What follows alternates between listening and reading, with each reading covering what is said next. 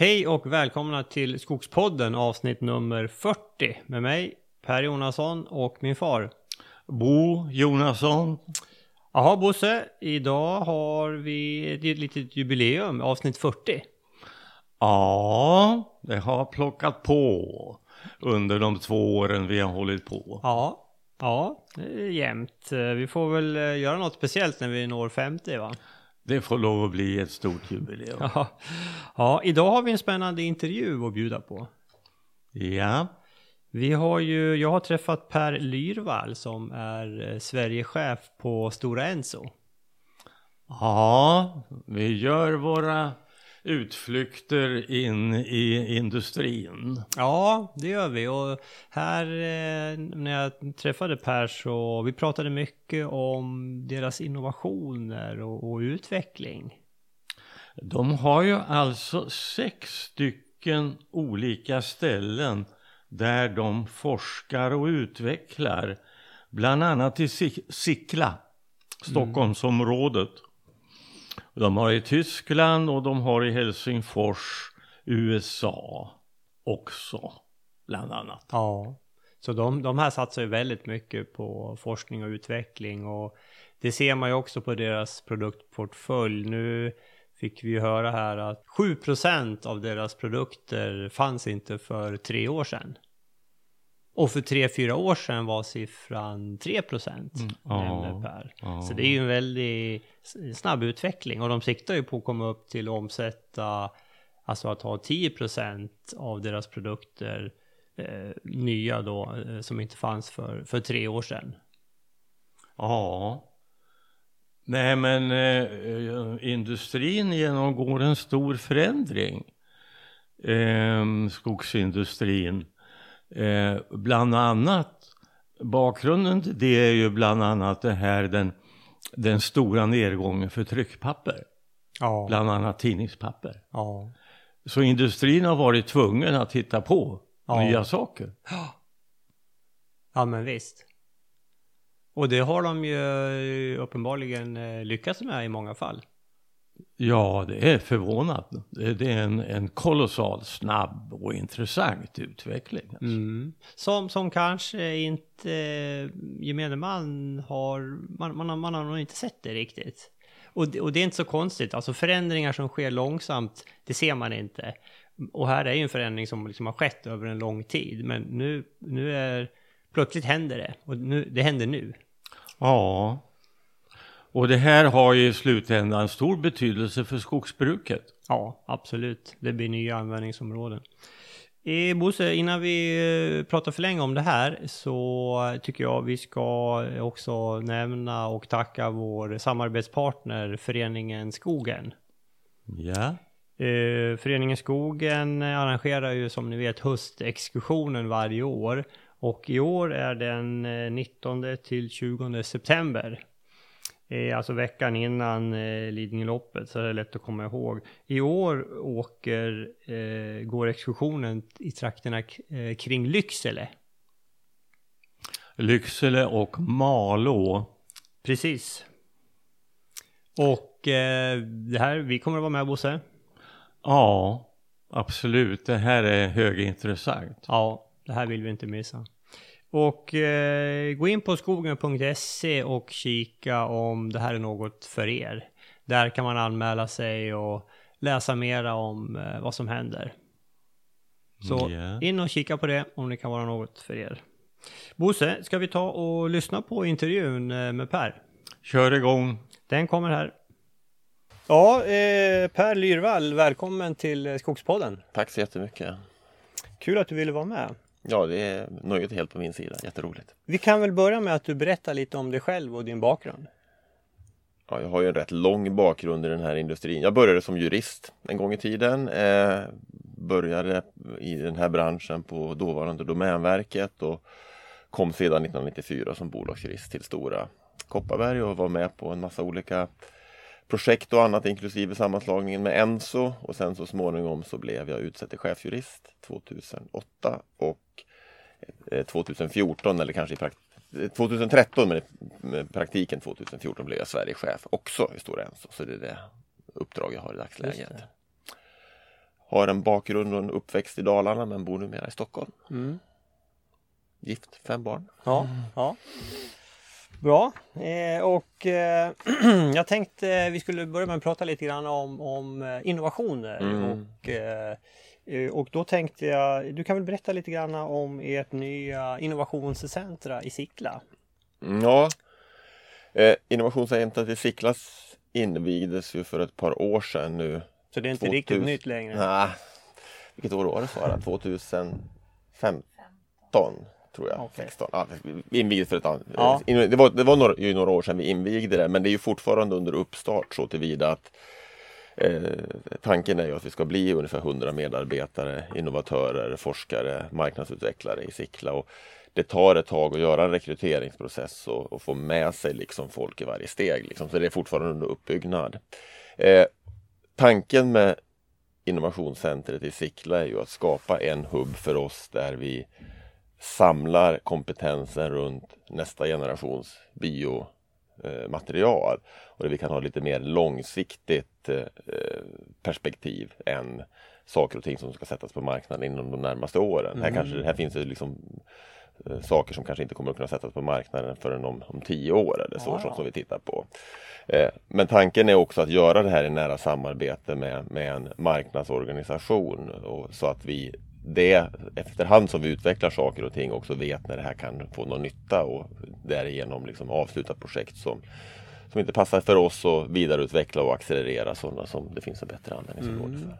Så det är ganska, ganska långsiktig forskning och utveckling? Ja, där. just det i, i Sickla, framförallt i Sickla så är det väldigt långsiktig utveckling. Det är det. Mm. Vi har ju sammanlagt eh, sex stycken forskningscenter i Stora Enso, eller innovationscenter i, i, i Stora Enso. Vi har eh, klassisk eh, rd verksamhet om man får ut, använda det uttrycket, i, i Karlstad och i Imatra och sen så har vi ett motsvarande center också i Mönchengladbach i Tyskland. Sen tittar vi rätt mycket på eh, också olika spår utav nya biomaterial i Danville i USA. Och sen så har vi ett innovationscenter också i Helsingfors som har, har mer med förpackningsdesign, intelligenta förpackningar och sånt. Och innovationscentret i Helsingfors har ju en kanske en kortare ledtid till marknad på de sakerna som man tittar på där. Okej. Ja, ja. Mm. ja, men eh, det där låter ju intressant. Alltså, när, det gäller innovationer generellt inom skogsindustrin, skulle du säga är vi tillräckligt innovativa? Alltså, branschen ses ju som lite konservativ eh, generellt. Det finns många sätt att svara på den där frågan. Liksom. Ja, men vi, vi, vi är ju en del utav den här vi har en unik möjlighet nu inom skogsindustrin i och med den nya bioekonomin Ja. och det alternativ som vi kan erbjuda till fossila produkter. Och ska vi lyckas med det så, så finns det två liksom huvudsakliga beståndsdelar i det. Eh, och det, det ena är liksom att vi, ett hållbarhetsspår, att vi måste vara hållbara, vad, vi, vad det de facto är liksom själva affärsidén hållbarhet. Men det andra är också att vi är innovativa så att vi kan också leverera de här produkterna och vi förmår att ta det till nästa steg. Eh, så att eh, innovation är ett absolut måste och jag tror det finns en, ett, liksom ett ökat en ökad förståelse utav det. Sen så tror jag att det kanske finns lite dåligt självförtroende i branschen också om historien. För det är naturligtvis så att vi har varit mycket mer innovativa än vad, vad man liksom vill, vill göra gällande även historiskt sett. Vi har utvecklat några av de mest avancerade processsystemen i världen på produktionssidan. Vi har utvecklat eh, otroligt avancerade material när det gäller eh, kartonger, eh, byggmaterial och annat i trä. Så att, visst har vi varit innovativa även tidigare men det nya är nu att vi har så oerhört mycket möjligheter och för att vi ska kunna kapitalisera på de möjligheterna så måste vi bli ännu mer innovativa i branschen. Och, och det kan vi säkert fortfarande bli. Ja, jag, jag hörde för inte så länge sedan så sa Karl-Henrik Sundström, eh, eh, koncern, koncernchefen på Stora Enso att 7% av alla produkter som, som Stora säljer fanns inte för tre år sedan. Mm, det är ju också ett, det är ett bra sätt att mäta innovationskraft liksom, och, titta på hur många hur, hur stor del av försäljningen är från produkter som kunderna inte, eh, som i kundernas öga är, är nya i den meningen att de inte fanns för tre år sedan. Och det, för ungefär tre år sedan så var den andelen ungefär 3 till 3,5 procent. Och sen på en Ja. treårsperiod nu så är det fördubblat till 7 procent. Och våran ambition är att vi ska komma väl över 10 procent på det här. Och gör man det så börjar man ju omsätta sin produktportfölj på var, var, var tionde år. Mm. Och det är inte så illa, liksom illa utav ett gammalt Nej. Upp, ett, ett, ett, bolag som uppfattas som en gammal del av någon, någon sorts mossig basindustri, vilket vi absolut inte är. Men, men så är det. Så ja. det, det, är bra. Hur, hur... De nyckeltalen vet jag däremot inte hur de är för branschen som sådant. Nej, för det var min fråga. Hur nej, ligger ni till där jämfört med era konkurrenter? Ja, men jag tror att, att jag vill ju hävda, och det är klart att jag pratar i egen sak, att vi är eh, mer innovativa eh, och satsar mer på innovation på Stora Enso än några andra gör. Dels har det att göra med våran storlek, att vi eh, vi finns globalt vi har därigenom lite mera eh, resurser. Vi har en hel del olika forskningscenter. Mm. Vi har en tradition av att jobba väldigt nära med, med universitet och högskolor i olika kluster med att, att jobba med innovation eh, visavi eh, forskningsinstitut och eh, stiftelsefinansierad forskning och allt annat. Och vi är med på de flesta spåren. Så jag skulle nog vilja hävda att vi är något mer innovativa. Ja. Sen har vi också kanske en relativ fördel när det gäller innovation att vi utnyttjar ju egentligen hela trädets möjligheter eftersom vi både har den mekaniska sidan och fibersidan och en, och en viss bioenergisida. Så att vi, vi har liksom många spår där vi kan vara inom. Just det, just det. Men, men eh, precis som du var inne på så det, det är kanske ingenting som man direkt förknippar Stora Enso med just det här innovationen och nya produkter och forskning. Hur, hur kommer det sig då? Ni, jag, jag tror att liksom när, man, när man tittar på det här nu och de undersökningar som är gjorda och som vi gör när vi tittar på hur vi uppfattas av våra kunder och av andra stakeholders så, så, så, är det nog så att vi börjar betraktas som allt mer och mer innovativa. Mm. Mm. Och jag tror det var någon av affärstidningarna som för, för, för något år sedan hade en liksom genomgång utav alla skogsbolagen och då fick vi epitetet innovatören. Så att jag, mm. jag tror nog liksom att det mm. finns en, en, en, en, en ökad förståelse för det. Ja. Men jag skulle liksom även är ju, jag vill också bara säga det att det är angeläget för Stora Enso också att våra konkurrenter eller kollegor i branschen också hakar på liksom och, och det gör de ju i stor utsträckning. Det finns ju många goda exempel på på väldigt innovativa lösningar som kommer ifrån från andra svenska skogsföretag mm. också. Så det är liksom, och många av dem jobbar vi ju tillsammans med i olika kluster. Just det, just det. För där har ju om man ett företag som, som, som verkar ha lyckats i sin marknadsföring att vara innovativa så är det väl Billerud Korsnäs. De, de hör man ofta nämnas lite grann och de har ju den här den här eh, fiberbaserade flaskan som ska kunna ha kolsyrad läskedryck eh, som de håller på att utveckla. Har, har, ni någon sån här eh, kioskvältare på gång som, som skulle kunna vara er ja. flaggskepp? Eh? Vi, vi, har ju lite produkter framför oss här. Jag tycker, den, den för, det första så, för det första så tycker jag väl, vill jag ju inte kommentera Billerud Korsnäs hade förträffligt företag och gör jättemånga bra saker. Sen att liksom ha någon i, någon sorts relativ sätta dem visar vi oss liksom, det, det vet jag inte om jag vill göra. Nej. Eh, bara, kan man bara konstatera att vi är ju liksom ett, ett avsevärt större eh, för, företag än vad de ja. och även på, på förpackningssida. Nej, vi har framför oss här som när vi står här och pratar så har vi några exempel på produkter och det finns två stycken mjölkförpackningar som står här.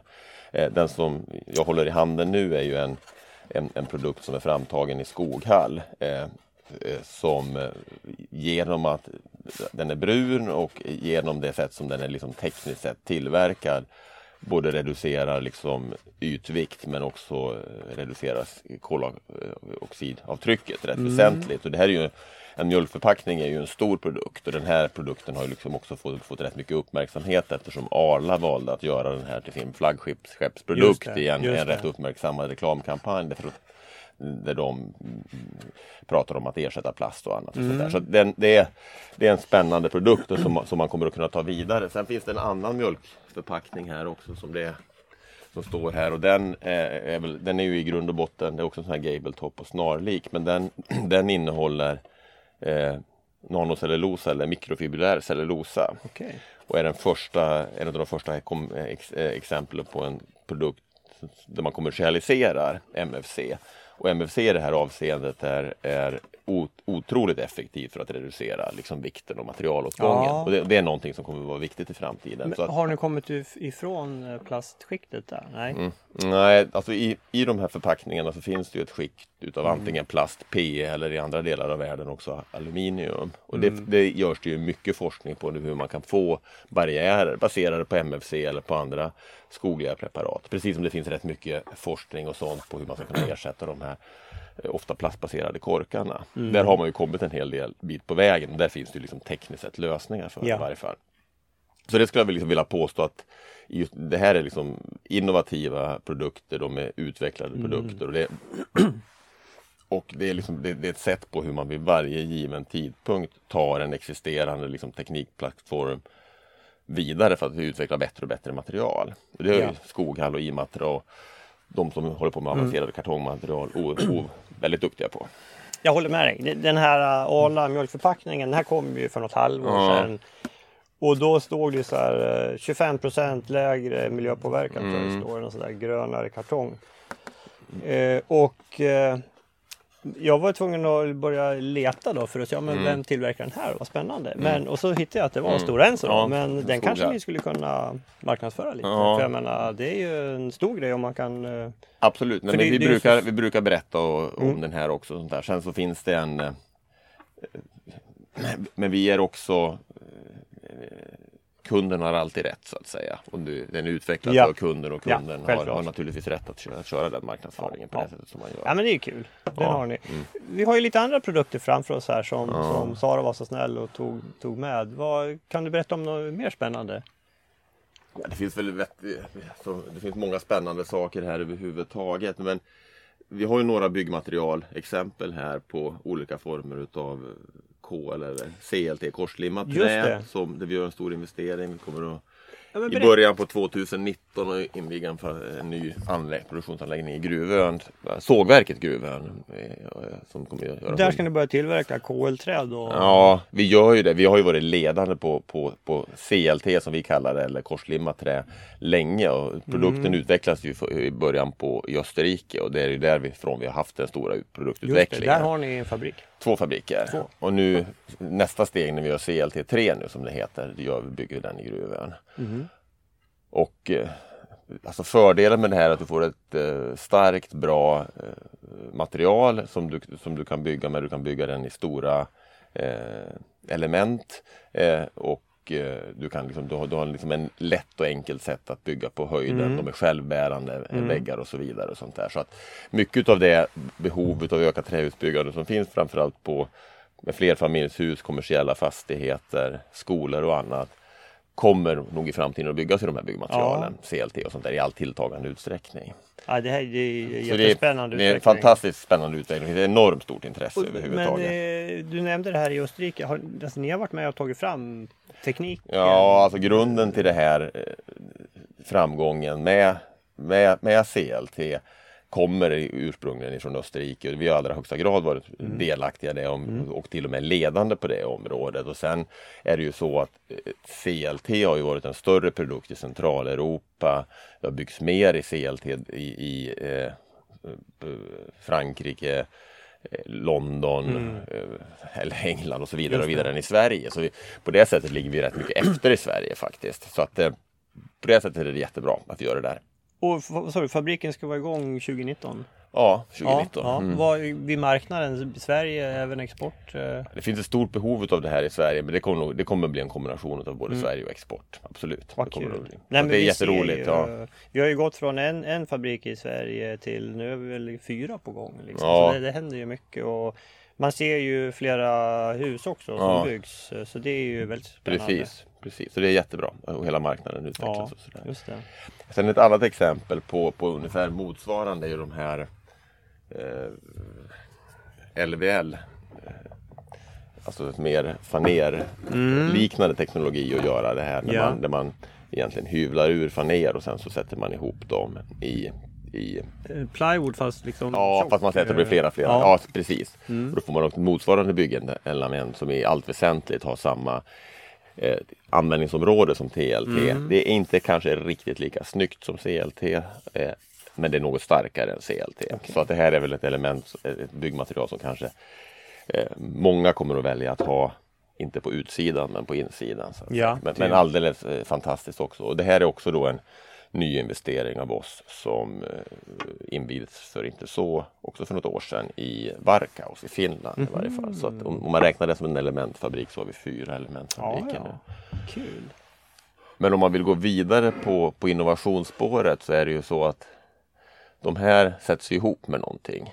De sätts ihop med ett klister. Just det. Att utveckla ett sådant klister som är biobaserad på ligninbas Mm. är en eh, stor sak för oss och det satsar vi vä- väldigt mycket på. Och då kan Ja. man er, ersätta då fossilt baserade fenol eller med, med de här ligninbaserade klistren i varje fall. Det är bland annat en sån sak som man, som man tittar på i, i Sickla som man driver Ja, framåt ja, här. Ja. Okej. Ja, det måste ju gå åt eh, ganska stora mängder eh, lim. Mm. Ja precis. Ja, men det låter ju som att ni har liksom följt er Mm. utvecklingspipeline. Ja, det, det finns mycket. Det finns mycket saker. Det här är för övrigt ett, ett exempel. Linneo är ett exempel på den här ligninbaserade eh, klisterprodukten i, i tidigt då. ja, ja. Eh, va- vart Biobased Product of the Year förra året. Ja, Sen, eh, vi ska inte fördjupa oss i de här sakerna, man kan hålla på hur länge som helst. men, men vi är ju också eh, inviger nu 4 juni i Hylte en eh, anläggning, uppskalnings och pilotanläggning för biokompositer. Och biokompositer använder man ju eh, TMP-massa eh, från, från, från den tidigare pappersproduktionen och sen så använder man en del eh, plast också onekligen eller fossilbaserade material. Men man gör en, en, en plastpellet som är till den alldeles övervägande delen biobaserad som kan användas redan idag i dagens plasttillverkning och därigenom liksom vara en produkt som och, och sen med, med mer och mer utveckling så kommer den här produkten att bli allt mer och mer totalt biobaserad i varje fall. Så har vi något exempel här på vad man kan göra utav det men Bland annat sådana här korkar är ju någonting som man kan göra som då kan gå till mjölkförpackningar eller annat. Vi har något exempel på en, på en plasttrumpet här. Men vi har också ett exempel på en, på en produkt som är ett eh, sånt här decking material. Vad heter det på svenska? Alltså byggmaterial som man använder för ja. och så vidare. Så att det, det, det, tycker jag det har också, vi har också legat på framkant på i varje fall. Så det, det, det är en jättespännande satsning. Vi invigde, vi inledde bara här om veckan också ett samarbete med en finsk startup eh, som heter Sulapack. Som, tar, som också tagit fram en biokomposit som är 100% eh, Wow. bio och den har man gjort gör man då riktar sig mot kosmetikaindustrin på i varje fall. Så det är också en intressant teknik. Så det finns, det finns en palett av olika produkter och framtidsområden och sådana saker. Så att det är spännande. Ja men verkligen. Men eh, jag tror ju som eh, extern betraktare får det nog marknadsföra det här lite hårdare så att eh, folk känner till det här. För Ja. min nästa fråga det var lite grann hur ska ni liksom kunna attrahera ungdomar och söka sig till, till eh, träindustrin och skogsindustrin. Jag, jag läste nyligen så kom eh, det finns en undersökning som heter eh, Ranstad Employer Brand Research. Där Södra toppade faktiskt. Ja. Alltså eh, arbetsgivarens attraktionskraft. Billudkorsnäs kom på nionde plats. Eh, nu såg jag bara topp 10 men Stora Enso var alltså inte med på den här Ja. listan. Ja, vi upplever ju att det eh, jag tror man ska ta sådana där undersökningar med en nypa salt så att säga. Och just framförallt på det här employer branding området. Det, det innebär inte på intet sätt liksom att inte Södra är ett fantastiskt bra företag eller Billerud Korsnäs också. Vi upplever ju att vi har inga som helst problem med att rekrytera till Stora Enso överhuvudtaget. Och eh, det finns ett stort intresse för det där. Jag, håller, jag, jag tror nog rent generellt på alla mätningar som vi ser så så tror jag just att, att vi ändå är i många avseenden förstahandsvalet när det gäller på grund av liksom den innovations och hållbarhets och internationella agenda och miljö som vi, som vi eh, erbjuder. Innebär inte att vi kan vara ännu mycket bättre. Eh, däremot så finns det ett allvarligare kompetensförsörjningsproblem i längden och det är ju att vi har både på våra produktionsenheter och även i skogsbruket med maskinförare och annat en, en ålderspuckel som gör att det kommer bli väldigt stora pensionsavgångar. Och det måste man kunna attrahera väldigt brett när det gäller yrkesutbildning Ja. eh, till, till den här branschen. Och då gäller det för hela branschen liksom att eh, förklara vad vi håller på med, vad spännande vi är och internationella vi är. Och, och, eh, Mm. Och, och, och, där finns det mycket att göra, både i samverkan med andra företag men också kanske i samverkan med de fackliga organisationerna, arbetsmarknadens parter och, och så vidare. Ja. Så, att, så att det, det, det, är en stor sak. Ja. Hur ser du på eh, könsfördelningen när det gäller eh, in, inom trä och skogsindustrin? Ja, den är ju, den är inte alls bra. Nej. Eh, det är ju, den, den motsvarar, alltså vi vill ju ha en könsfördelning som motsvarar samhället i övrigt och då alltså nära 50-50. Vi har lyckats i ett land och det är Kina. Där mm. det är i stort sett 50-50 utav de mm. eh, ungefär 5000 medarbetare vi har där. Eh, men det är liksom en nyare verksamhet och den har startat upp senare och så vidare. Mm. Så det är lättare att se, här sitter vi fast i en del gamla strukturer. Men det, det måste göras. Däremot så har vi ju det går åt rätt håll även om det går alldeles för långsamt. Men, det, men det, eh, och, och tittar man på koncernledningsnivå så har vi ändå eh, chefen för vår största division som är papper, är Kati Terhorst som är kvinna. Vi, Annika Breski är chef för Consumer Board. Mm. Eh, våra, chefen för vår inköpsavdelning är kvinna. HR-chefen och eh, kommunikationschefen är också kvinnor. Så att vi har en väldigt, eh, vi har börjat få en, en hygglig liksom, fördelning på, på toppen men det måste genomsyras hela vägen ut. Mm. Ser du alltså när ungdomar eh, söker sig till er via sommarjobb och exjobb och även jobbansökningar att, att, att, att det kommer fler och fler kvinnor som är intresserade?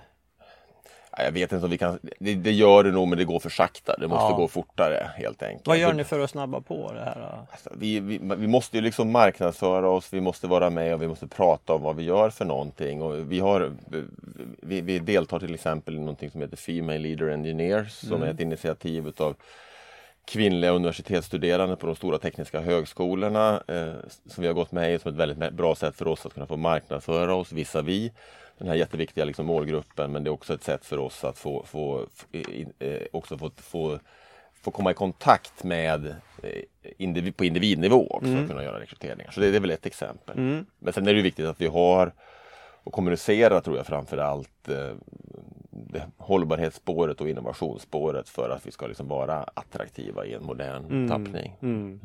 Okej, okay, ja, men det är bra. Men, men alltså, generellt när det gäller rekrytering så, så, så ser du ändå att, eh, att, att, att det fylls på med många som är intresserade av att jobba i trä och skogsindustrin? Ja, alltså jag tycker när vi, när vi alltså, rent generellt när vi rekryterar till på, på, på tjänsteman eller på ledningssidan så, är det överhuvud, så ser vi inga problem. Vi, är, vi, vi, betraktar oss som en, vi är betraktade som en väldigt attraktiv arbetsgivare. Mm. Men problemet ligger snarare liksom på på, i produktionsenheterna och på, mm. på bruken hur vi kan fylla på och ersätta de här produktions eller de här eh, pensionsavgångarna som kommer. Mm. Det, det är nog ett, ett större problem. Sen eh, men det här, med, alltså det, här med, det, med det kvinnliga och det manliga så att säga så tror jag liksom, dels, alltså det är ju, det är ju naturligtvis, vi, vi, vi måste ju vara attraktiva för hälften av Sveriges befolkning. Ja, det är ju liksom alldeles självklart ja. att vi ska kunna liksom lösa de här problemen. Men det är också viktigt att man får in de perspektiven som, som, som man får i en mer eh, i en, i en mer, eh, man har större mångfald helt mm. enkelt. Ja men absolut. Du, var ju, du berörde ju lite kort här, eh, du pratade om skogen mm. och nu, nu, köper ni tillbaka skogen från, från Bergvik. Varför gör ni det? Ja det finns, alltså Bergvik var, har ju varit en, en, en, eh, i många avseenden en framgångssaga och vi vi var ju med tillsammans med dåvarande Korsnäs och ett antal institutioner och, och, och, bildade ju Bergvik för ungefär 15 år sedan. Och när vi bildade Bergvik för 15 år sedan så var horisonten på avtal eh, och den affärsmodellen som, som gjordes var just 15 år också. Mm. När vi sedan inledde liksom diskussioner om nästa steg i det här så, för, för att göra en lång historia kort, så, så var den alldeles, eh, vad vi kunde nå en konsensus om med den alldeles övervägande majoriteten av ägare var att vi skulle titta på möjligheten att eh, montera ner den, dagens Bergvik-konstruktion och sen så ersätta den med, med, med eh, en, en, en, ny lösning där Stora Enso tar tillbaks, eh, som du uttrycker det, en stor del utav den skog som vi tidigare tillsköt, bildar ut korsen och tar tillbaka den skog som Korsnäs en gång i tiden tillsköt och så bildas det två stycken eh, nya block då, eh, på, på, till del. Då. Ett mm. som, som ägs av eh, FAM som är bolag som ägs av Wallenbergstiftelsen och en del som eh, där det finns ett konsortium av lite mindre eh, ägare inklusive Länsförsäkringar och andra som, som man tittar mm. på. Eh, och nu håller vi på då och tittar på vad, vad, för, hur, vad, vad skulle det här, vad, vad, innebär det här? Kan vi komma överens om nästa steg och så vidare och allting. Så att i dagsläget så så är det baserat på en avsiktsförklaring ja. och, och, en tanke att det här ska genomföras under året. Eh, Däremot så, så opererar vi ju fortfarande Bergvik och business as usual som bolag. Liksom. Mm. Eh, så det var liksom en, en, en, lång förklaring till, till vad vi har sagt om det här. Så det, är liksom, det är viktigt att komma ihåg att än så länge så har inte den här uppdelningen skett. Nej. Utan den, den, förutsätter att vi kommer överens i de sista stegen. Mm. Att vi är intresserade utav skog och, och, och, och, egen mark är ju att vi, vi tror väldigt mycket på den här by, nya bioekonomin. Vi tror på de möjligheter som det ger. Och då tror vi att en, en, att en bra bas och ett fundament för det är också att man har ett eget, eh, ett eget skogsinnehav. Och då är det här liksom en, en sån möjlighet, ja. en attraktiv möjlighet för oss. Mm. Och vi tror att det kan ge eh, eh Ja, alltså det har att göra med både med virkesförsörjning men också möjligheten mm. att utnyttja skogen och arrondera och så vidare. Ja, ja men ni vill ta ett hårdare ja, tag kring, ja, kring skogen mm, helt enkelt. Precis. Kommer, ni, kommer det att följa fler förändringar vad gäller inköp och skötsel när det gäller er råvara? det, får vi, det, får, alltså, det får vi väl hoppas att liksom hela råvarumarknaden kommer vara stadd under ständig liksom utveckling mm. och innovation och att det inte kommer att se likadant ut i framtiden som, som mm. det gör i dagsläget. Men jag tror att alltså, själva Bergvik-transaktionen i sig, liksom i, det, i det korta perspektivet, om den nu kommer att genomföras, vilket vi hoppas, kommer vi kanske inte liksom omedelbart innebära det. Nej. Däremot så kanske måste det tecknas en, ett antal nya avtal och det blir ja. kanske lite olika eh, liksom förändringar på det sättet långsamt. Mm. Sen vad det innebär för möjligheterna för oss att eh, utveckla skogsskötselmetoder, eh, vad det innebär för oss att utveckla liksom, affärsmodeller och annat, det får vi väl se. Men ja. det blir ju lite grann en annan plattform för att ja. göra det också. det blir det. Mm. Man hör ju allt mer ofta att eh, skogen kommer inte att räcka till. Mm. Hur ser ni på det? Alltså, alltså, det är en bra fråga och det är en fråga som förtjänar all diskussion som man kan ha. Man kan väl säga så här att i det, i, i det korta perspektivet i dagsläget så ser vi inte att inte skogen räcker till för de investeringar som vi har beslutat att göra eller som tänker att som, som, som, som, som ska göras.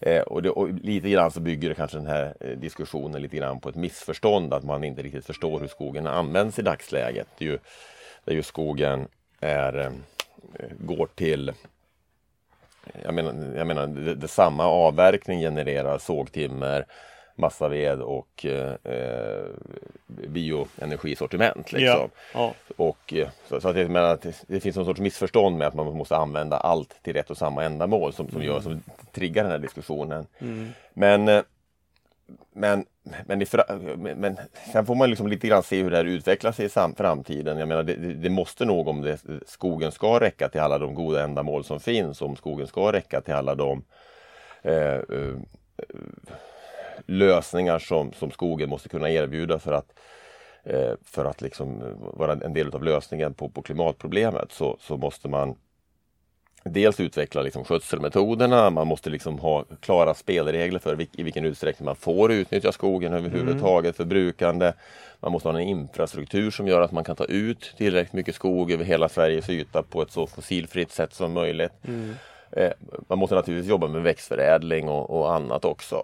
Ja. Så, eh, så att jag är i grund och botten är jag positiv så att säga mm. men, men eh, det är en bra fråga, det är viktigt att vara vaksam och framförallt om man kommer in på liksom börja prata i termer om subsidier och annat som kan liksom förskjuta ja. liksom marknadskrafterna så, mm. så, så, så, kan det liksom finns det anledning till viss oro. Sen mm. är det fortfarande så att skogarna eh, växer i Europa. Mellan 2005 och 2015 så växte europeiska skogar med en yta motsvarande Schweiz. Så att det, det finns också liksom en tillväxt av skog och skogsråvara i andra delar av Europa än, än bara Sverige och Finland mm. som, som, som kan ta tillvara för en massa saker. Så är det ju, mm. även om eh, Schweiz är litet. Mm. Ja. Eh, men Per, eh, allt ofta läser man den här debatten mellan skogsbruket och miljörörelsen. Den kan vara ganska hård och onyanserad. Och, mm. Bland annat har ju Herman Sundqvist flaggat för att vi, vi behöver, eh, man behöver närma sig varandra och, inom den här debatten. Och vad, vad, säger, vad kan Stora Enso göra för att visa ledarskap och gott exempel inom skogsbruk och skötsel av skogen? Jag tycker, jag tycker nog i och för sig att alltså, vad vi kan göra är ju det bästa exemplet vi kan ju göra är ju att, att, eh, att, eh, att visa på den praktiska verksamheten som är, hur vi arbetar med eh, inom ramen för FSC men även självständigt med naturvårdsbedömningar, med, med avsättningar och så mm. vidare. Hur vi an, jobbar med, med samråd med, eh, med, med de södra samebyarna i vårt fall och så vidare. Det finns, mm. Hur vi har jobbat tillsammans med SNF för en del biodiversitetsprojekt och så vidare. Så det kan vi visa på rent konkret. Mm. kommer att bli lite lättare att visa på det rent konkret, konkret när vi äger Bergvik också. Vi har vårt eget skogsinnehav. Ja. Men jag delar liksom Herman Sundqvists uppfattning att det är klart att vi måste liksom hitta ett, ett samtalsklimat när vi kan närma oss varandra. Sen så är det väl och eh, vi, är allt, vi är öppna för dialog och vi har dialog. Ja. Också med flera av de här organisationerna. Ja. Och eh, ska vi ha legitimitet för vad vi gör och eh, använda den fina råvaran som vi har så måste vi klara av att ta den här hållbarhetsdiskussionen också. För till syvende och sist så, så handlar det liksom om, om väldigt stora liksom värden. Det handlar liksom om, om klimat och biologisk mångfald och annat som är viktiga för oss alla så att säga. Mm. Det handlar också om hur vi skapar legitimitet för våra produkter i länder som inte har ett eget skogsbruk överhuvudtaget. För i slutändan så köps huvuddelen av våra produkter utanför Sverige. Ja. Och den, då, där måste man också förstå det här så att eh, mm. Men det är en fråga med många dimensioner men mm. absolut, ja mm. visst ska vi ha den diskussionen och mm. närma oss. Ja. Mm. Och vi ska ja, visa på goda exempel och vi ska vara bra eller till och med bäst. Ja, ja men det är mm. positivt. Om vi, om vi blickar 20-30 år framåt och bara tänker fritt. Vad, mm. Hur ser skogs och träindustrin ut då tror du? Har vi, har vi många nya produkter? Vad, vad, vad har du liksom i kikan? Vad, vad diskuterar jag tror ni ju, Jag tror ju generellt sett på, på, på, att saker och ting är mer evolutionära än, än revolutionära. Mm. Eh, men, eh, och jag tror liksom att när man pratar om nya produkter så kommer liksom nästa generations vätskekartonger eller nästa generations korslimmat trä att också att vara nya produkter och de bygger på en existerande plattform. Sen kommer det komma upp nya plattformar också. Eh, skogsindustrin har ju satt upp som ambition att 2030 så har vi fördubblat omsättningen utav eh, eh, förnyelsebara produkter alltså, i andel av BNP, vilket ju är en fantastisk mm. ambition och, och mm. otroligt spännande. Det, det, kommer liksom att drivas mycket av existerande materiallösningar, inte minst på byggmaterialsidan. Det kommer också drivas av ett ökat, ett ökat behov av textil, eh, massa till eh, textilindustrin. Tror jag mm. kommer vara en, ja. Det finns stora volymer. Det kommer i viss utsträckning kanske att drivas av ett ökat intresse eller kanske en omallokering av hur vi använder dagens bio eh, mellan fasta och flytande biobränslen. Eh, Eh, och sen så finns det liksom väldigt mycket spännande kanske eh, tillämpningsområden som ligger längre fram när man tittar på, på biokemikalier, ligninmöjligheter och, och, och allt annat i massa olika avseenden. Men, men, men eh, vilka utav de möjligheterna som verkligen kommer att flyga, det, det, det, det är svårt att säga. Liksom. Men jag, jag är oerhört positiv. Jag tror att Eh, dagens produktportfölj kommer att utvecklas, den kommer att kompletteras i, i rätt stor utsträckning med mer avancerade massaprodukter. Eh, inte minst te eh, textilindustrin den kommer också att utvecklas till med, med på kemikaliesidan och, och på annat sätt. Mm, mm. Mm, mm. Tradition, alltså tittar man i backspegeln långt tillbaka så var ju tidningspapper var ju liksom en, en stor produkt för, mm. för er. Mm, eh, men det, det är det inte så mycket längre? Nej, relativt, alltså papper är ju fortfarande våran största division men för, mm. för tio år sedan så var, stod svarade papper för ungefär två tredjedelar av både mm. omsättning och vinst. I dagsläget så svarar det för ungefär en tredjedel av omsättningen och betydligt mindre utav vinsten.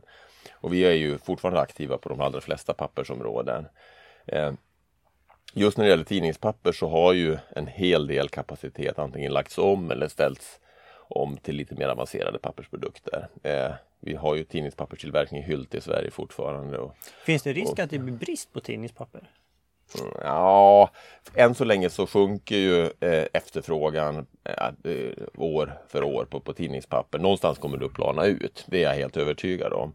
Och eh, förra året så låg ju faktiskt tidningspappersutbudet och efterfrågan ungefär i, i paritet så att mm. säga. Och i, i fjol var väl första gången på, på mer än tio år som det var möjligt att få till prisökningar på tidningspapper. Mm. Det är ju oerhört spännande. Men att man ska ta det till tecken på att det, liksom, att, att det, här, att det, att det har vänt, det, det tror jag liksom är lite tidigt att säga. Mm. Men, men, men, men, det gäller att jobba hela tiden med produktförsörjningen och liksom sen försöka eh, och se till att man inte att man, man, kan i längden inte ha fabriker som producerar material som ingen vill ha liksom, helt enkelt och då måste man ibland eh, tvingas till de smärtsamma beskeden att man får mm. stänga enheter och sånt där.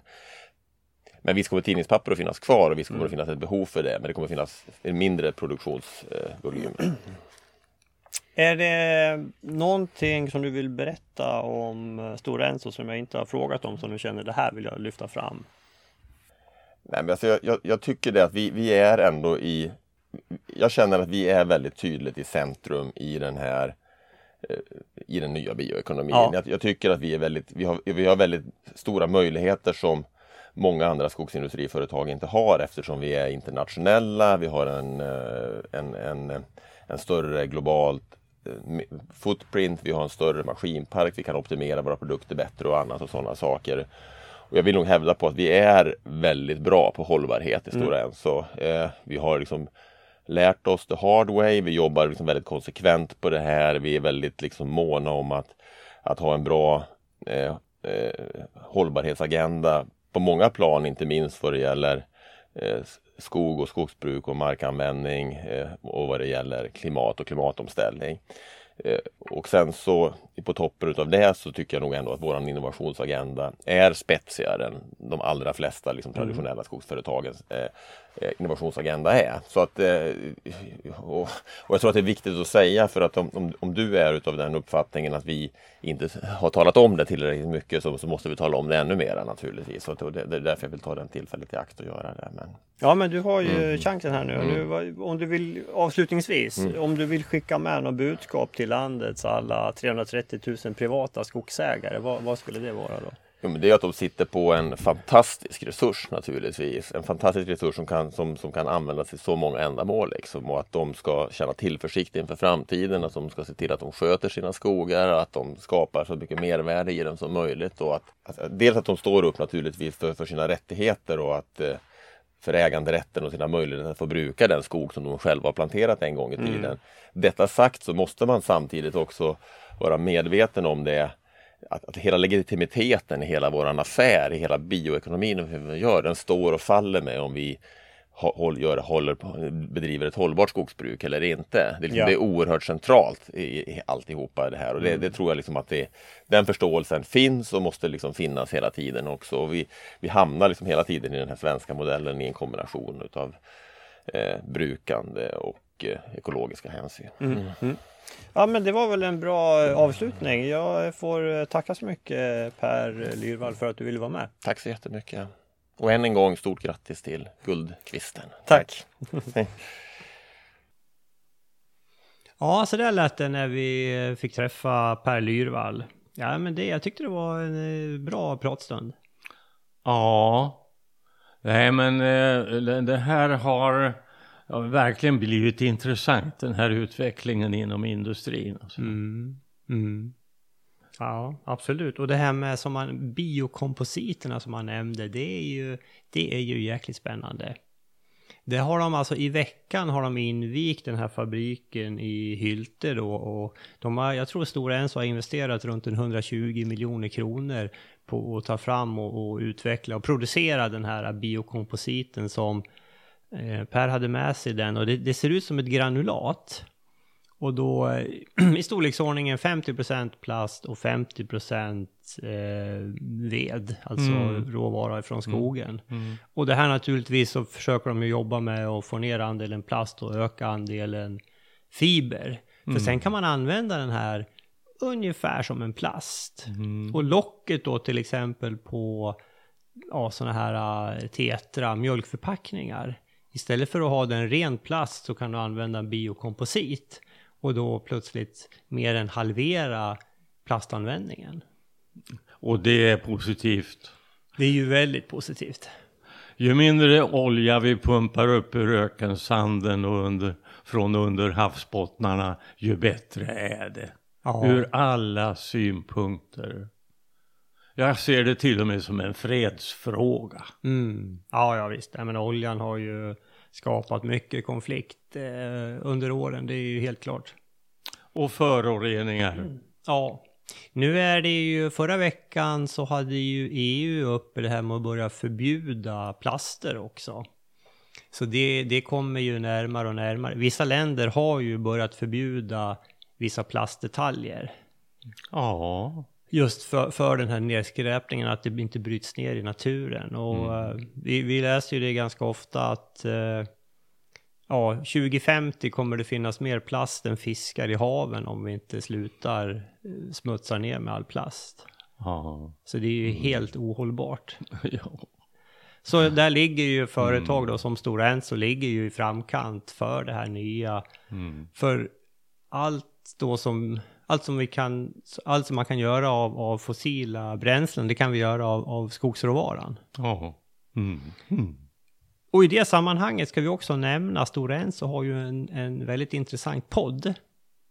Så om ni har missat den så kan mm. jag rekommendera den. Den heter uh, Renewable Future. Mm.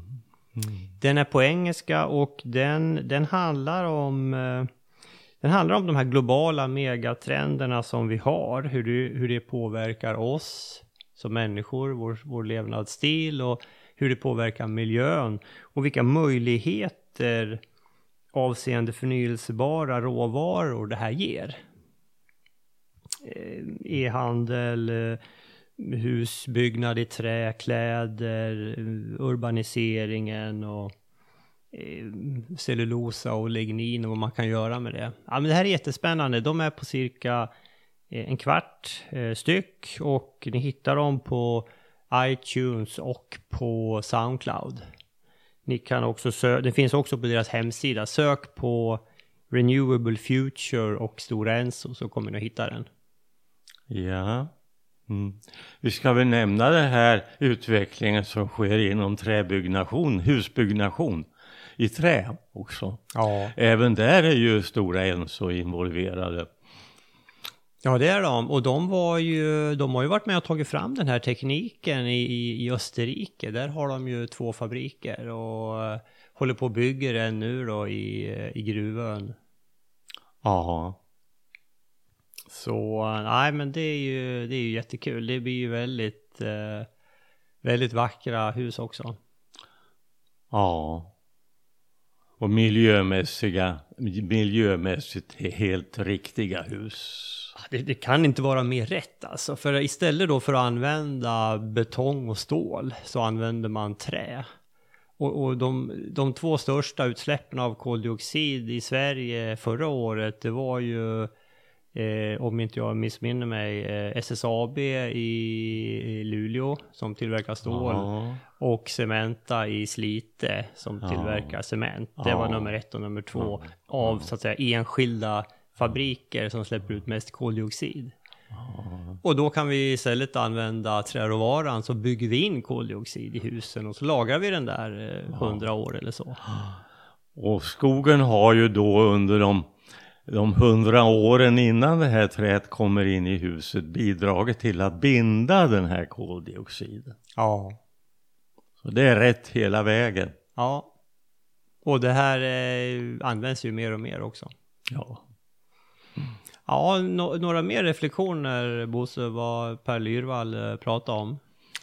Um, han nämnde någonting som var nytt för mig. Det heter alltså LVM.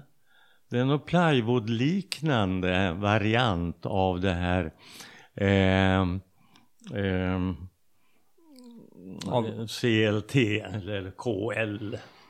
Ja. Eh, tydligen en, en, existerande teknik. Ja, det hade inte jag sett heller förut. Han hade med sig en, en provbit och det ser ut som en plywood fast man fortsätter att lägga på många flera lager då, så att du kan göra det till en balk eh, till exempel. Mm, Och mm. han sa ju också att det här blir ju ännu starkare än, än, än KL-trä då.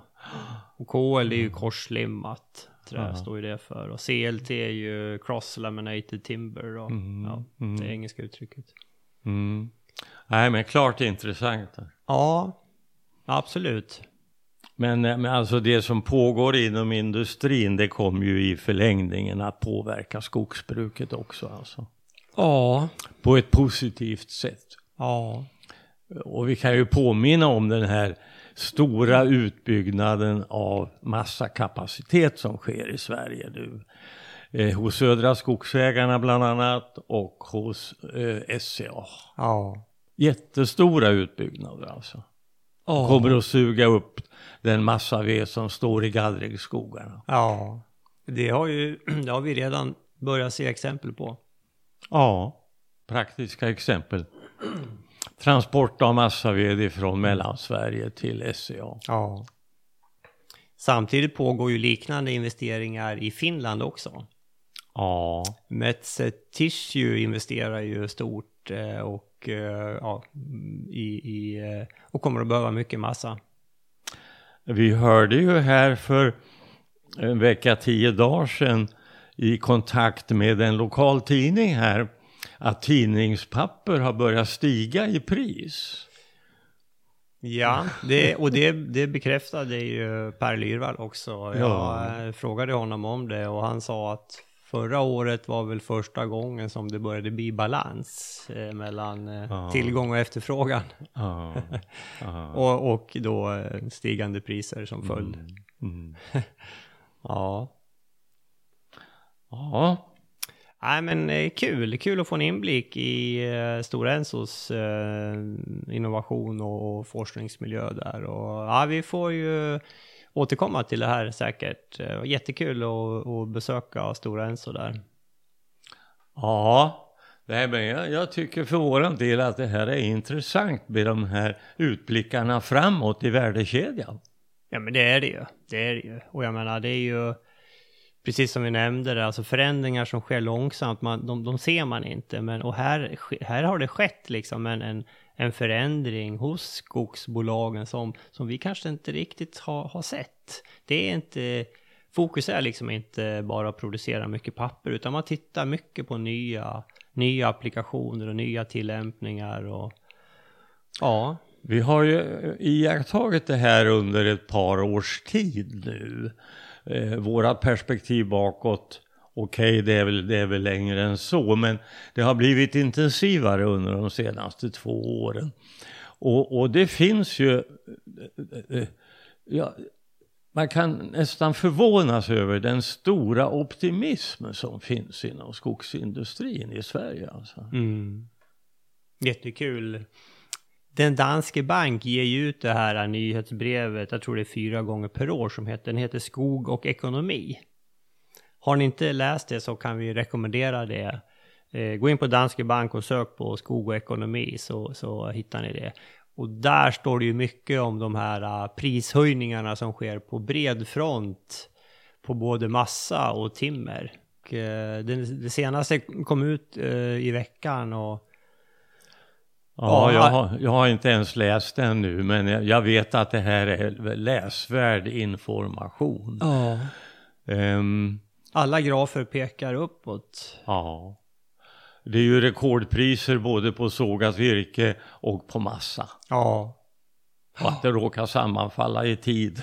Ja, det, det är precis. Och just att även sågverken börjar tjäna pengar. Vi borde ägna lite mera eh, uppmärksamhet åt sågverkssidan och träindustrisidan. Ja, det får vi det- ta som en uppgift i höst. det får vi göra. Där, ja, jag håller med dig. Vi har inte besökt något sågverk än eh, och- eller rapporterat därifrån. Eh, Ja, alltså det är dags att göra det. Mm. Mm, Det får bli ett mål för hösten. det får det bli. Ja. Jaha, eh, Bosse, ska vi mm, prata lite om den varma och torra maj som vi haft och hur det har påverkat vår sådd? Ja, eh, vi har ju alltså beskogat här i år eh, mellan 8 och 9 hektar med vår metod med granplantering kombinerad med tallsådd. Eh, vi planterar alltså ungefär 12-1300 granar per hektar och mellan dem så sår vi tall.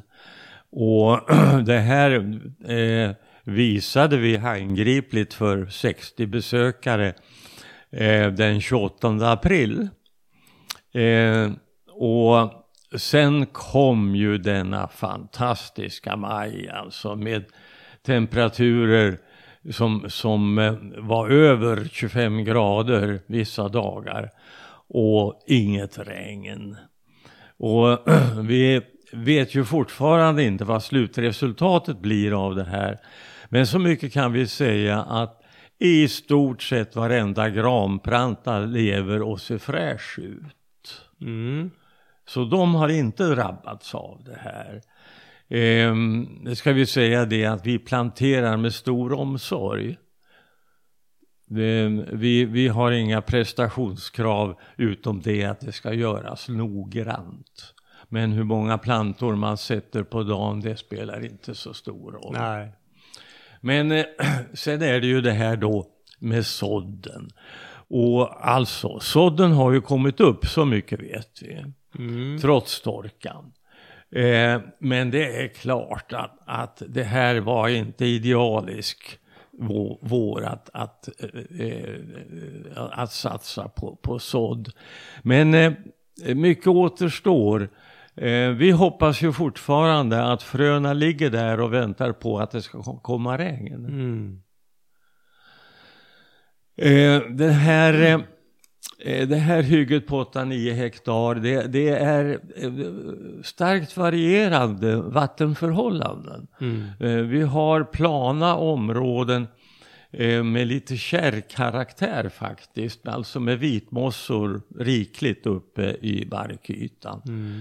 Och där finns det ju plantor alltså. Det finns, det finns mycket plantor. Mm. Så att det, det, är ingen tvekan om att, att där är föryngringen etablerad. Men sen har vi eh, särskilt ett område som är stenigt och torrt och exponerat mot väster och sydväst. Mm. Och där gick vi eh, i förrgår och letade plantor, eller var det igår kanske? Mm. Nåja, eh, och letade såddplantor och vi såg inte många. Nej, just där var det dåligt. Mm. Och där är det ju som du säger, det är ju som, det är som grus nästan. Det här är ju alltså strax under högsta marina gränsen. Mm. Så här stod alltså Joldiga havets vågor och slog mot den här sluttningen. Mm. Och har ju tvättat bort finpartiklarna. Alltså. Eh, nej, men eh, det, det här är fortsatt spännande och en sak vet vi bestämt. Vi kommer att nå det här målet med blandskog av tall och gran här. Det gör vi.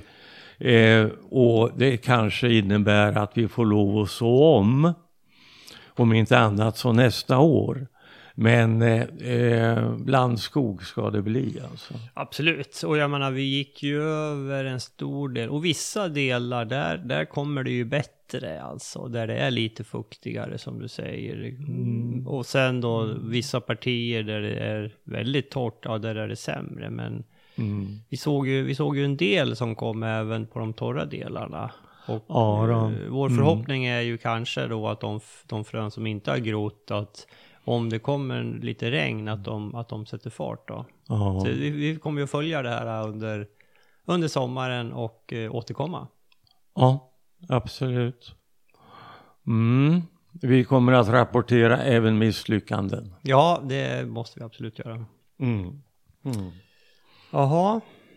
Eh, ska vi har vi något mer om sådd? Jag tänkte vi skulle nämna också att vi lägger upp en liten videosnutt på Youtube där vi visar eh, stamkvistning och stamurval.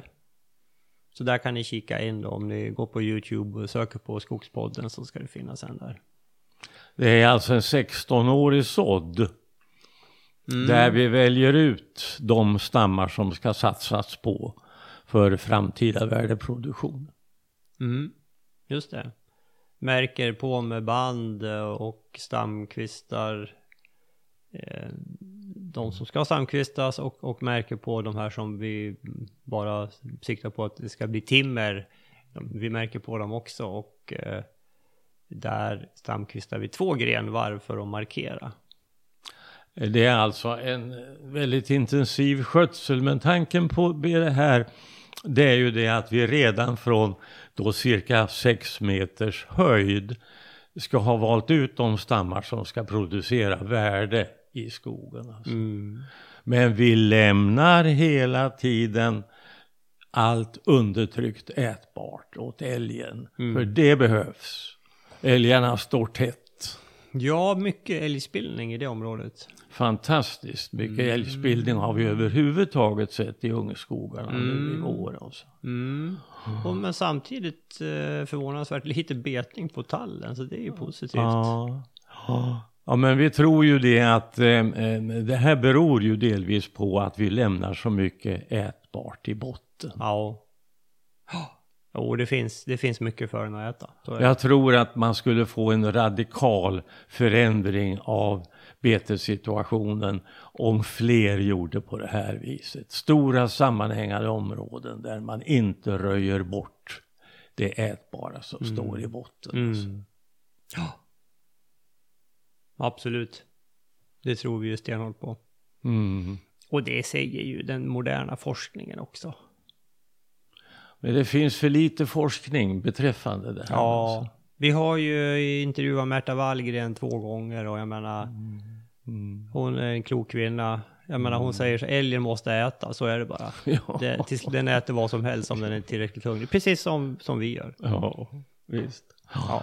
Ja, visst, den har ju gått över på grandiet delvis. Ja. I brist på annat. ja. Jaha, ska vi lo- sätta punkt där Bosse? Ja, men det gör vi. Och eh, glöm inte gå in på eh, skogen.se och kika in på höstexkursionen 19-20 september i Lycksele, Malå. Eh, läs mer på skogen.se och se om det är något för er. Jag och Bosse eh, kommer dit. Vi kan bara lägga till en sak just beträffande Malå. Det är ju just en plats eh, i Sverige där det moderna skogsbruket, det som vi har tillämpat sedan 1950, det är där det föddes. Just det. Mm. Just det, Och, och trakthyggesbruket. pappa till alltihopa var ju Hugo Wretling. Ja. Som du träffade? Jag var eh, då under studieåren eh, och besökte honom. Han var då nybliven pensionär men visade sitt livsverk. Mm. Mm. Mm. Ja, det, kom, det, kom, det kommer vi kika på där uppe eh, säkert. Ju- Mm. Ja, det blir intressant. Bra, men då, eh, då kommer vi att göra så här att nästa avsnitt kommer ut eh, eh, första veckan i juli. Och då blir det följaktligen det är fyra veckor dit. Kommer det inte bli tre då som eh, normalt är. Men om fyra veckor kommer nästa podd. Eh, till dess, eh, ha det så bra och på återhörande. Och hoppas på regn. Ja, regndansen eh, får vi ta fram. Tack för idag. Tack från mig också.